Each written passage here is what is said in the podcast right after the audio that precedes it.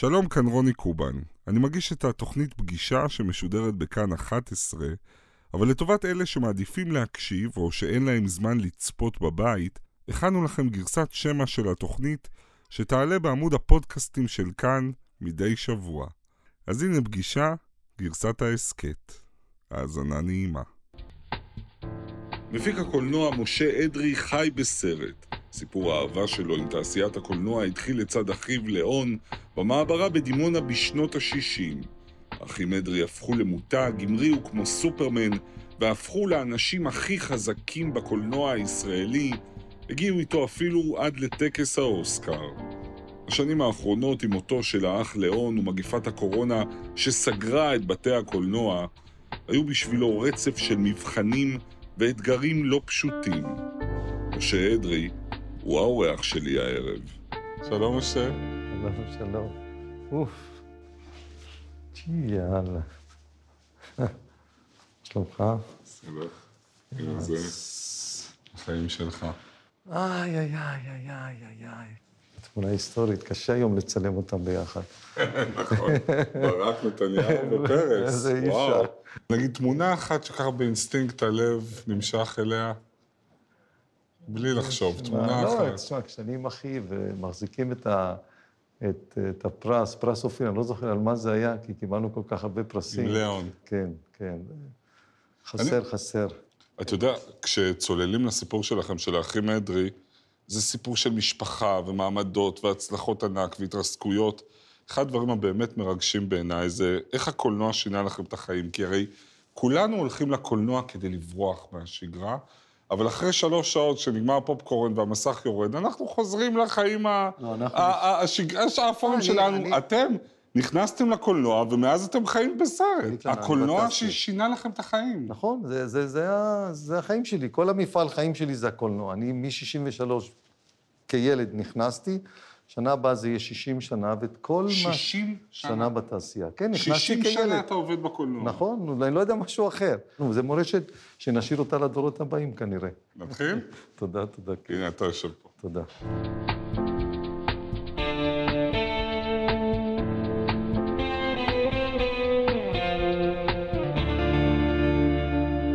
שלום למשה אדרי, מבכירי תעשיית הקולנוע הישראלית, מפיק, מפיץ ובעל רשת בתי הקולנוע סינמה סיטי. סיפור הצמיחה שלך ושל אחיך ליאון מהמעברה בדימונה ועד לפסגת עולם הקולנוע בארץ ובעולם, כולל האוסקר, הוא אחד מסיפורי הסינדרלה הכי יפים שיש לתרבות הישראלית להציע. רשימת הסרטים שהפקת, הכוללת את בופור, הערת שוליים, אביב אהובתי, הבועה, ללכת על המים, זוהי סדום, סוף העולם שמאלה. פעם הייתי לשחרר את שולי ועוד ועוד. חתן פרס מפעל חיים של אמי ושל פסטיבל הקולנוע בחיפה, יושב ראש הדירקטוריון של חברת המוזיקה ADMC, אותה אתה מנהל עם רעייתך פנינה, אבא לארבע בנות, ושישה נכדים. שישה נכדים. תודה שבאת, תודה לך. כבוד שאתה כאן. הזמנת אותי. אתה כבר שנים האיש הכי חזק בקולנוע הישראלי. אתה המפיק, המפיץ, בעל חלק ניכר מבתי הקולנוע. זה הרבה כוח, אבל אני מניח שזה גם הרבה אחריות. מאוד. כשאתה אחראי כל שנה על השקעות של עשרות מיליונים, אז אתה חייב אה, לעבוד נכון ולהשקיע נכון. אז אה, בחצי אני טועה ובחצי לא. אתה יכול להגיד לי, אמרת שנה הבאה זה יהיה 60 שנה. אתה זוכר את ההתחלה שלך עם... המפגש עם הקולנוע.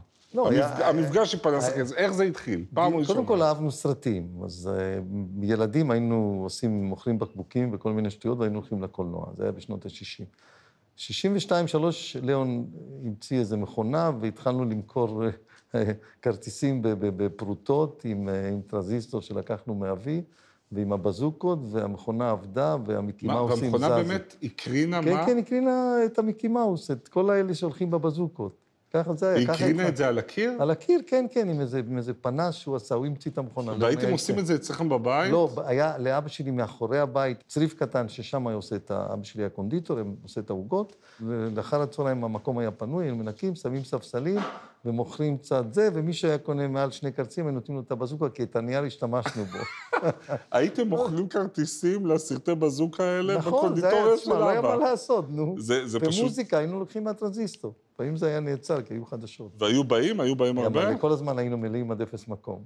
לא, מזה הבנו שאפשר לעשות כסף בקולנוע. עכשיו, לאון מגיל צעיר הלך להיות מקרין, זה היה ב-63.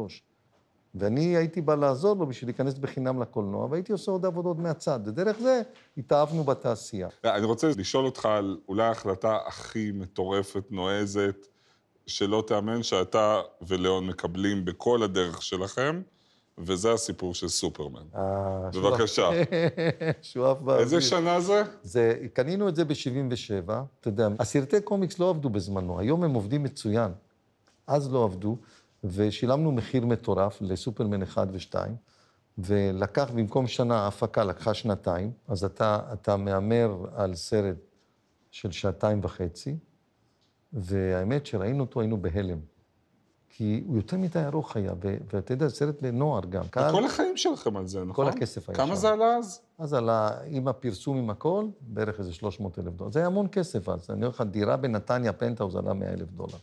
עכשיו, זה היה המון כסף בשבילנו, ואז היינו שותפים ביונייטד, היינו אני, ליאון אחי, וציון שרוני, שאיתו התחלנו את ההיסטוריה בקולנוע בדימונה.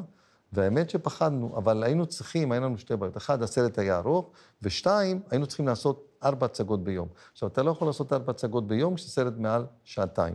אז היינו חייבים לשלוח הביתה 20 דקות. לשלוח הביתה, זה אומר שאתם החלטתם שאתם תקצרו קצת, איפה אתה- אתה שתרצו יודע, בהתחלה- את סופרמן. כן, כי אתה יודע, הוא בהתחלה, עד שהוא, עד שהוא נהיה סופרמן, עוברת איזה שעה. אז אמרנו, במקום שעה, שיהיה חצי שעה, ילדים לא צריכים לסבול. יותר מדי זמן לוקח עד שהוא נהיה סופרמן. זה התסריט. איך ידעתם מה לחתוך, וכמה זמן לקח לערוך את סופרמן? לקח לנו איזה חודש. חודש. אבל האמת שבסוף צדקנו, כי הסרט יצא מושלם. רגע, רגע, משה, אתם לא רק קיצרתם, גם היה עוד איזה משהו, היה... לא, לא, היה שם קטע שהוא רודף אחרי הטיל, וזה היה משעמם מוות, והיינו צריכים להכניס מוזיקה, והיה שם, אז הוציאו תקליט, הסופרמן, מן, איזה שיר דיסקו כזה של סופרמן. שלא היה בסרט לא, לא היה, לא אוקיי, היה בתוכנית.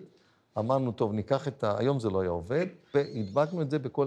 יצאנו אז עם 26 עותקים, זאת אומרת, שמתם עד שהוא רודף את הטיל, כדי שלא... את המוזיקה. את השיר דיסקו הזה, גו סופרמן? אוקיי, היה פצצה. אוקיי. קיצור, ראינו את העותק המושלם, אני אומר לך, בונבון. וככה יצאנו. זה היה להיט ענק, מכר מעל 500 אלף כרטיס. ולא פחדתם מתביעה?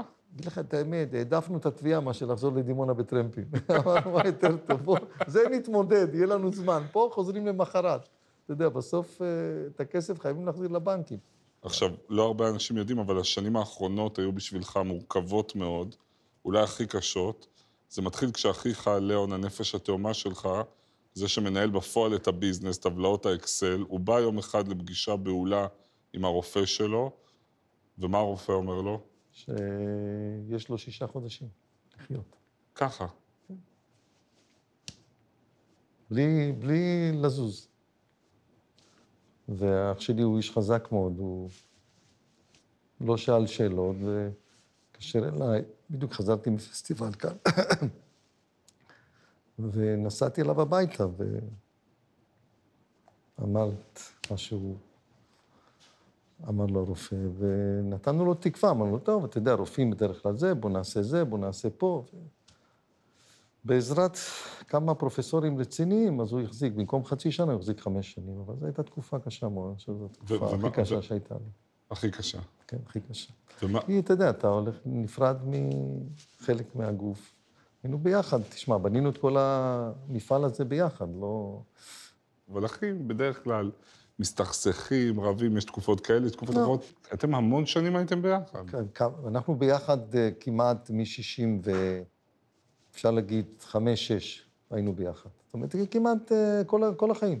ו- אני לא, לא יודע משהו אחר. וח- ולא, ולהגיד לך, היינו בתעשייה קשה, כל אחד יודע, אבל תמיד הסתדרנו, כי על כסף מעולם לא רבנו, אף פעם לא עשינו חשבונות בינינו.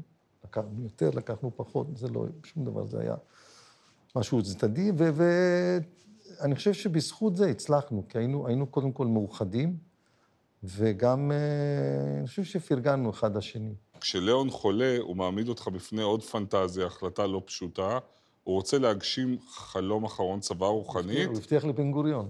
הוא אומר, אחרי שעשינו סינמה סיטי פה ושם, אנחנו נפתח סינמה סיטי באר שבע, לא, בהשקעה של חצי מיליארד שקל, 500 מיליון עם משפחת דמרי. חצי מיליארד שקל, 500 מיליון על שבבאר שבע כמה בתי קולנוע כבר יש, יש? יש, יש פלנט, יש להם 24, ואנחנו בנינו 26. יש אך- 50. עכשיו, ליאון חולה, הוא אומר לך, משה, תעשה את זה בשבילי, ואתה אומר לו מה? אתה אומר לו, ליאון, בשבילך הכל, אבל... אני אמרתי למשפחה, אם הפרויקט הזה יחזיק אותו כמה שנים טובות, אז שווה למשפחה ללכת עם זה, וזה היה קשה לנו מאוד. וזה באמת החזיק אותו? זה החזיק אותו ארבע ומשהו שנים. הוא היה נוסע כל בוקר, היה לו נהג, כל בוקר הוא בנה את הפרויקט הזה. הוא נפטר כמה חודשים לפני ההשקה. הוא נפטר אה, שלושה, ארבעה חודשים. הוא גמר את הפרויקט כמעט, נשאר דברים קטנים, וזה הכאב הכי גדול, שהוא לא הספיק לפתוח אותו. עכשיו, אתה היית שר החוץ של האימפריה, היית נכון. יותר בשואו והוא יותר אני הייתי, בביזנס. כן, שר החוץ, זה שר גם החוץ. תראה אותך, אתה יש קלאבר בנשמתך. לא. וכשליאון נפטר, אתה מוצא את עצמך פתאום נכנס למשרד שלו, נכנס בכלל למשרדים שלכם בסינמה סיטי אחרי השבעה.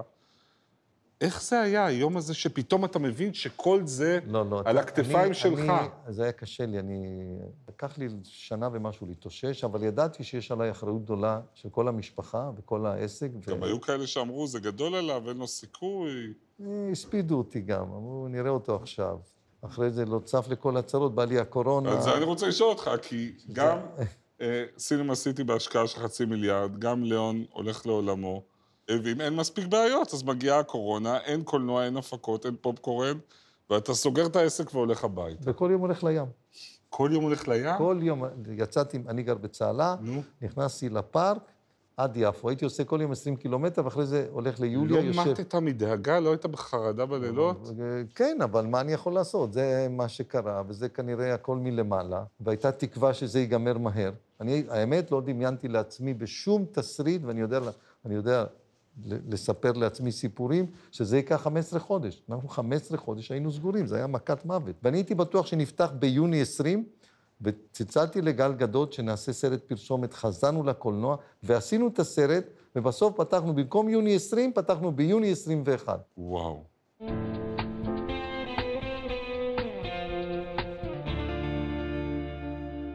ילדות עכשיו, זה הרואים, אבא ואימא, קלרה ואבי. כן, כן. הוא היה קונדיטור והיא עקרת כן, בית. כן. ואיזה בית זה היה? בית עם המון המון פרגון ואהבה, ו... וחלומות. הם הכירו בשידוך, נכון? כן, כן, בשנות ה-40, בטנג'יר שבמרוקו. וכשאתם עולים לארץ, בן כמה אתה? הייתי בן עשר, ב-61. ומה אתה זוכר? מה המפגש עם ארץ הקודש? הגענו בצהריים, באנו מטיסה ממרסיי, וישר אה, לקחו אותנו בערב, זה היה לדימונה, וישר לאיזה צריף. ליד הבית קברות זה היה, אני לא אשכח את זה, ששמאל לחול, ימין החול, ישר חול, ומאחור היו כמה בניינים. זה היה משהו, אימא שלי קיבלה חום מהסיפור הזה, היא לא, היא לא דמיינה לעצמה.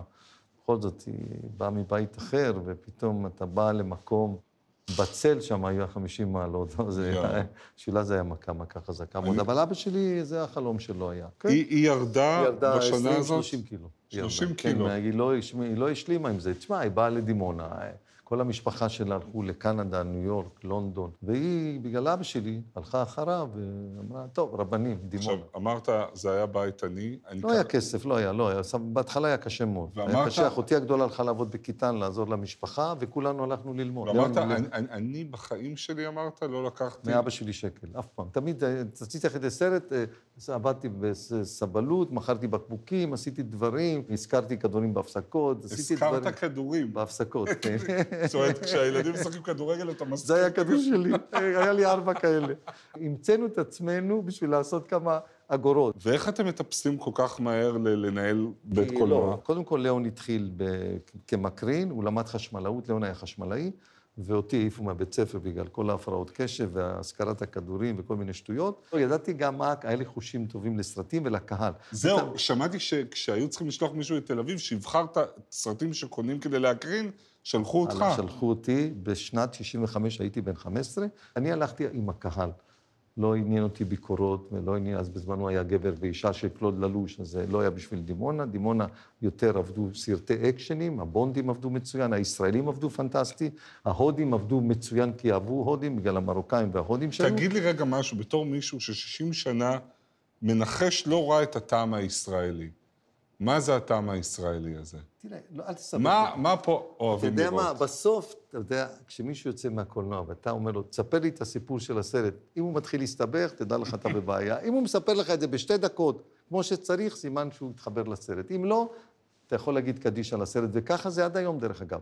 הקהל רוצה סיפורים פשוטים, לא מסובכים. יש סרטי איחוד, אני לא מתווכח, אבל הקהל הגדול, תביא לו סיפורים פשוטים. מתקדמים רגע בחיים, אתם הולכים וצומחים, ואז בתוך הטיפוס לצמרת בשנות ה-80 סופגים טלטלה הראשונה, וזה המוות של אחיך הצעיר. כן, הלל, שהיה חקלאי ונפטר בדום לב בגיל אה, 33. וזה נפל עליי לא טוב, והייתי במשבר, אה, בוא נגיד, של שנה גדול מאוד, עם אה, טיפול אה, פסיכיאטרי. זה, זה זאת אומרת, זה עשה היה לי בלאגן. התמוטטות נפשית. לגמרי. הייתי, לקחו אותי ל... הייתי, ירדתי לאיזה 50 ומשהו קילו, והייתי במשבר.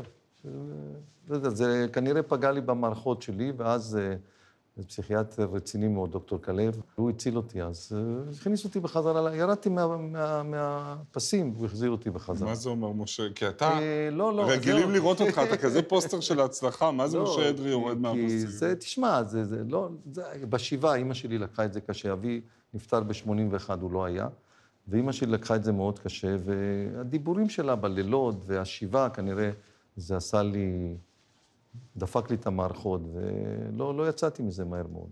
הייתה לי אחריות, כבר הייתי עם אה, שלוש בנות ובית, והייתי צריך גם לדאוג להם, ובכל זאת הבנתי שאין מה לעשות, צריכים להמשיך הלאה. י- י- יצא לך לאורך השנים, לך ולאחיך, הייתם צריכים להתמודד עם כאלה שהסתכלו עליכם מלמעלה? אני פחות, ליאון אחי ראה את זה יותר. כאילו לא היה פרגון. אתה יודע, בכל זאת אתה בא לענף של אה, מלא אשכנזים, ובאו שני ילדים מדימונה שבקושי גמרו שתי כיתות, ולוקחים עוד, עוד, עוד, עוד, ורגע, מה, מה, הם באו לפה ליומיים שלושה, וכולם כבר אמרו, זהו, זה, הם באו פה ל- לחופשה קטנה. המרוקאים האלה. והם יחזרו בחזרה. לא היו, תשמע, תעשייה של... היו אז 30-40 מפיצים, עזוב, היום יש בקושי... אה, בקושי- אותך. לא, לא, איזה ארבעה, חמישה.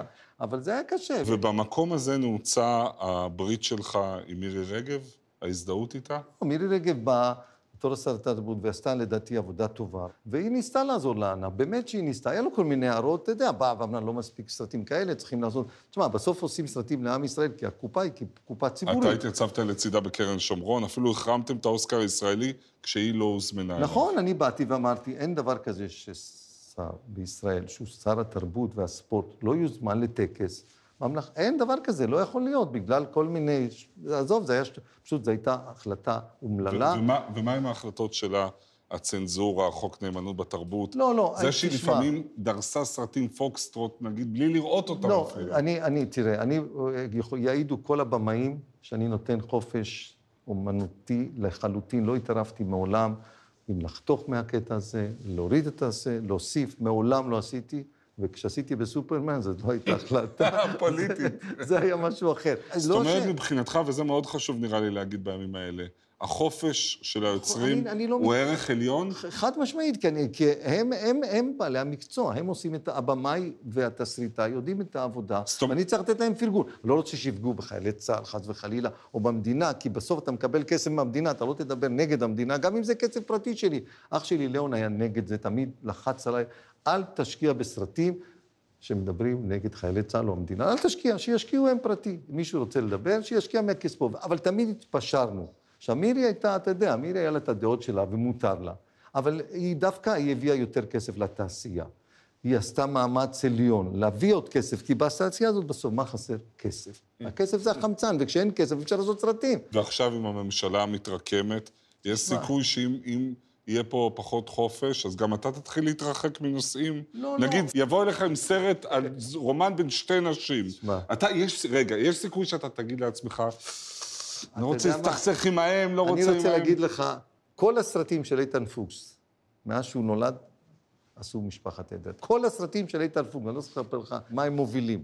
אין סרט שביקשו ממני, לא אכפת לי אם הוא כזה ולא התערבתי מעולם, אין לי בעיה וככה זה יהיה. אני לא אשנה את דעתי, וכולם יודעים זאת. אני לא אעשה סרטים נגד חיילי צה"ל ונגד המדינה, זה ברור מאליו, וכולם יודעים את זה. לקהל כבר לא רוצה לראות יותר מלחמות, רוצה לבוא, לראות קומדיה נחמדה או איזה דרמה טובה, לבכות טיפה וללכת הביתה. למרות שצריך להגיד שבקולנוע הישראלי אתה כן השקעת בסרטים שנראו על הנייר מאוד אה, אה, הערת שוליים, מה זה? לבנון. זה, נכון. מלבנון היינו, קיבלנו פרס ראשון בוונציה, הערת שוליים קיבלנו פרס בכאן, נסענו להוליווד, היינו עם ברד פיט, והיינו עם אה, הריסון פורד, והיינו עם סטיבן כלומר, אתה אומר, אני מבחינתי, עד הסוף, כל עוד אני עובד בקולנוע, החופש הוא נשמת אפה של היצירה. חד משמעית, אני לא... מת... תמיד הייתי כזה ואני אשאר כזה, אני לא אשנה את דעתי.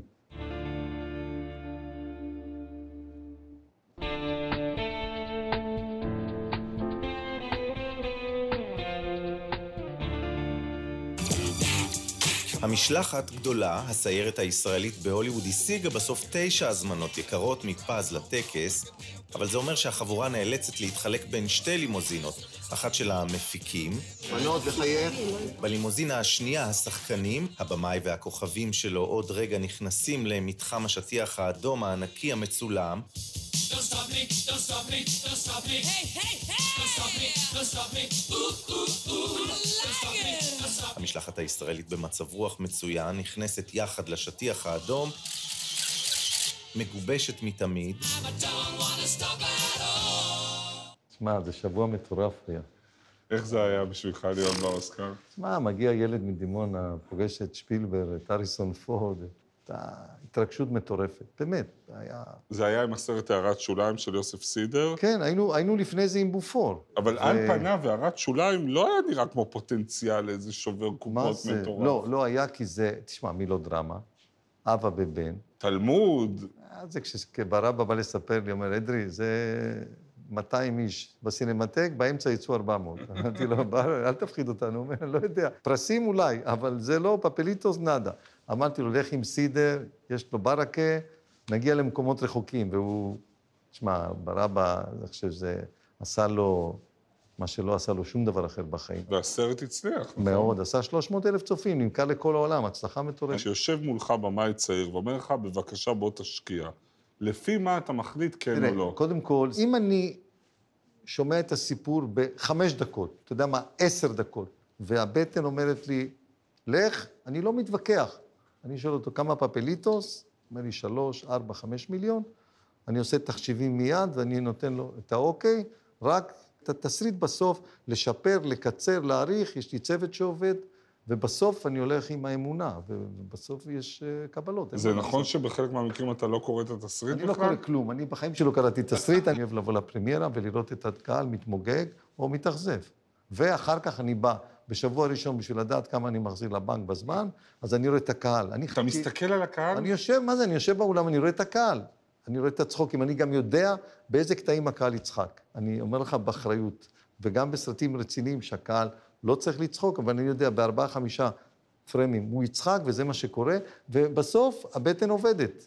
90 אחוז זה בסדר, עשרה אחוז פספוסים. וכשמישהו קורא לך מונופול, זה מלחיץ אותך? מה פתאום, אני, הלוואי שהייתי מונופול. מונופול? זה שאתה גם המפיץ, גם המקריא, ממש לא, הלוואי שמחר יבואו 200 משקיעים. אתה יודע מה, אני מפנה את הדרך ואני אהיה. קחו, רק קחו את הדבר הזה שנקרא הקולנוע הישראלי. תעשו את הפגישות אתם, אני אפיץ. בתי קולנוע אין לנו בעיה. בהשקעה בסרטים יש בעיה. אנשים לא רוצים לסכן את הקרן, אני אומר, זה סכנת נפשות, לא נשקיע. אז אין לי ברירה, אז אני חייב לעשות את ההשלמה, מה שהקרן נותנת או המדינה, ובקומדיות אני שם את כל הכסף לבד. ואחרת לא יהיו סרטים. יש קורונה, נתניהו שהוא ראש הממשלה, הוא חבר טוב שלך. חבר של המשפחה. אתה לא מרים טלפון, אומר לו, תעזור לנו? לא, קודם כל פגשתי אותו, והוא אמר, מוישה, אני יכול לתת לך את מה שכולם מקבלים. אין לי דברים חריגים. לא עזר לנו כלום. היה, היה נקודה אבל שנתניהו כן מאוד עזר לכם, וזה כשליאון היה חולה, נכון? שם... ליאון כן. הוא היה מאוד קשור לאחים, מאוד מאוד, וראית את זה גם בלוויה וגם בשבעה, ואחר כך... איך זה נוצר הקשר הזה? הם שכנים 20 שנה. הוא היה מיודד מאוד, מאוד. ליאון מאוד אהב אותו והעריך אותו, והוא גם, זה היה הדדי, וראית את זה ב... הספד, עד, עד היום אנחנו שומרים על קשר טוב. זה אבל... נכון שאתה מארגן להם לפעמים הקרנות פרטיות? תשמע, אם לפעמים יש לנו הקרנה פרטית של משהו, ובמקרה יוצא לו להיות באזור, אני אומר לו, תשמע, אני רואה סתם סרט של שפילבר, ואתה יכול לבוא, אז הוא בא, כמו שבאים חברים, הוא בא, הוא חבר, הוא מה חבר אתה יכול. להגיד לנו על הטעם הקולנועי של נתניהו? הוא חבל על הזמן. יש, תאמין לי, הוא ראה את הערת שוליים, אמר לי, זה יהיה להיט. ואתם תלכו למקומות שלא חלמתם עליהם, והוא צדק. עוד ענף שאתה משקיע בו המון, וזה כבר שימור תרבותי, מעשה תרבותי אמיתי, זה רכישת הזכויות, הקטלוג והרסטורציה של הסרטים הישראלים. זה כמעט כמו ילד שרוכ... או שאוהב בולים ו... ואוסף בולים בתאווה. זה ממש, נכון, בשנים האחרונות זה התשוקה שלך. חלמתי, ואני עדיין חולם, לקחת את ההיסטוריה, לשמר אותה, אבל באיכות טובה אני עושה, וזה השקעות מטורפות של מיליונים. כל הסרטים שגדלנו עליהם, אם זה הוא הלך בשדות, ואם זה סאלח שבתי, ואם זה השוטר, ואם זה גבעת חלפון, ואם זה סנוקר, ואם זה צ'ארלי, ואם זה קזבלן, לא חשוב מה, אני חושב שזאת חובה לאחד כמוני, שבאמת אוהב את הקולנוע ועושה את זה מאהבה גדולה מאוד לקולנוע, לתת לדורות הבאים לראות מה היה פה, כי זה חשוב מאוד, אז בוא נראה ואנשים... קטע מסרט כזה. סרט. שקנית את הזכויות ו- וחידשת, השוטר אזולאי. אה, נו, זה הסרט הכי... אין, אחד הסרטים הכי אהובים עליי.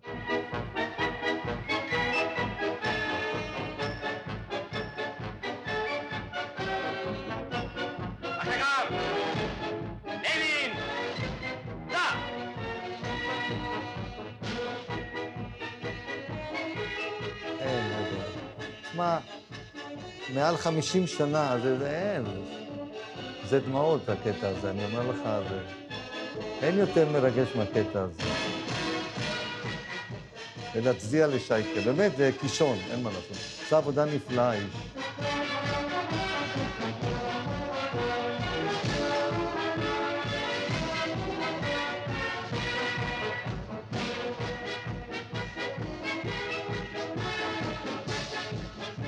כן, זו תמונה...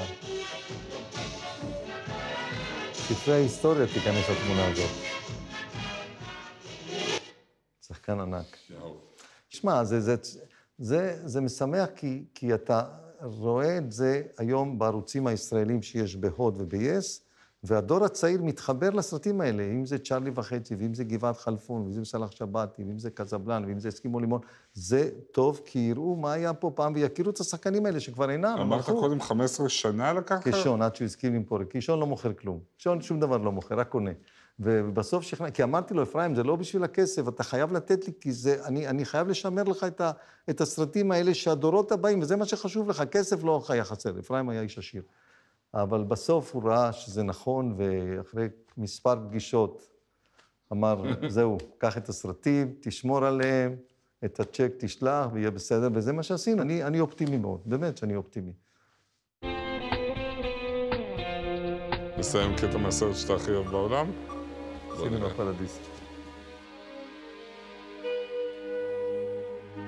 זה הילד. טוטו, טוטו, יא אללה. אתה יודע שהוא נפטר לא מזמן, לצערי. כן.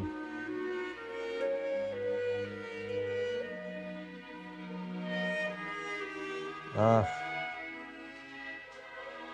איזו היסטוריה.